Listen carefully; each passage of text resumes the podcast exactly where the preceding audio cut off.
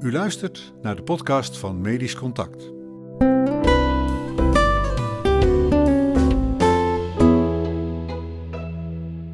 Een hoofdredactioneel commentaar van Berto Nieboer. Op de rails houden. Iedereen heeft wel één of meer zogeheten guilty pleasures.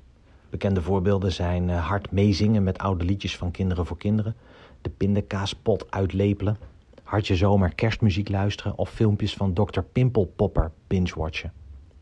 Voor wie niet bekend is met dat laatste, een Amerikaanse dermatologe die onder het oog van de camera mensen verlost van allerlei puistjes, puscollecties en andere persisterende lesies.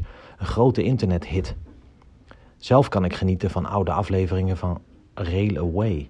Medestanders zullen alleen al bij het horen van de openingstune in een meditatieve toestand terechtkomen.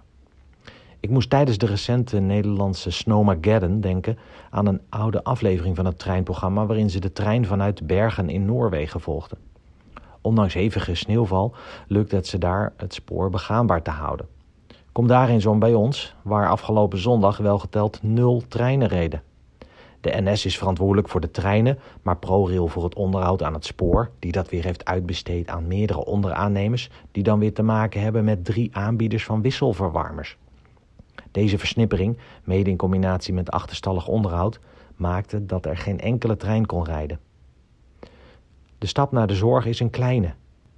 Ook hier hebben we te maken met een sterk versnipperd veld, waarin diverse drie- of vierletterige organisaties de uitvoering van de WLZ, de ZVW, de WMO en uiteraard de WPG mogelijk moeten maken.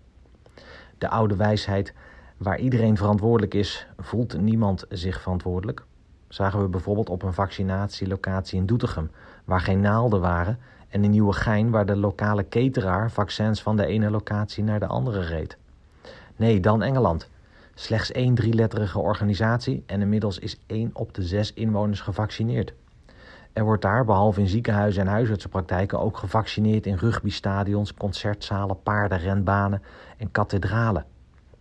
Ik stel voor dat wij gaan opschalen door massaal te gaan prikken in treinen. Die staan toch nog wel even stil. U luisterde naar de podcast van Medisch Contact. Wilt u vaker luisteren? Zoek ons op in uw favoriete podcast-app of ga naar medischcontact.nl/podcast.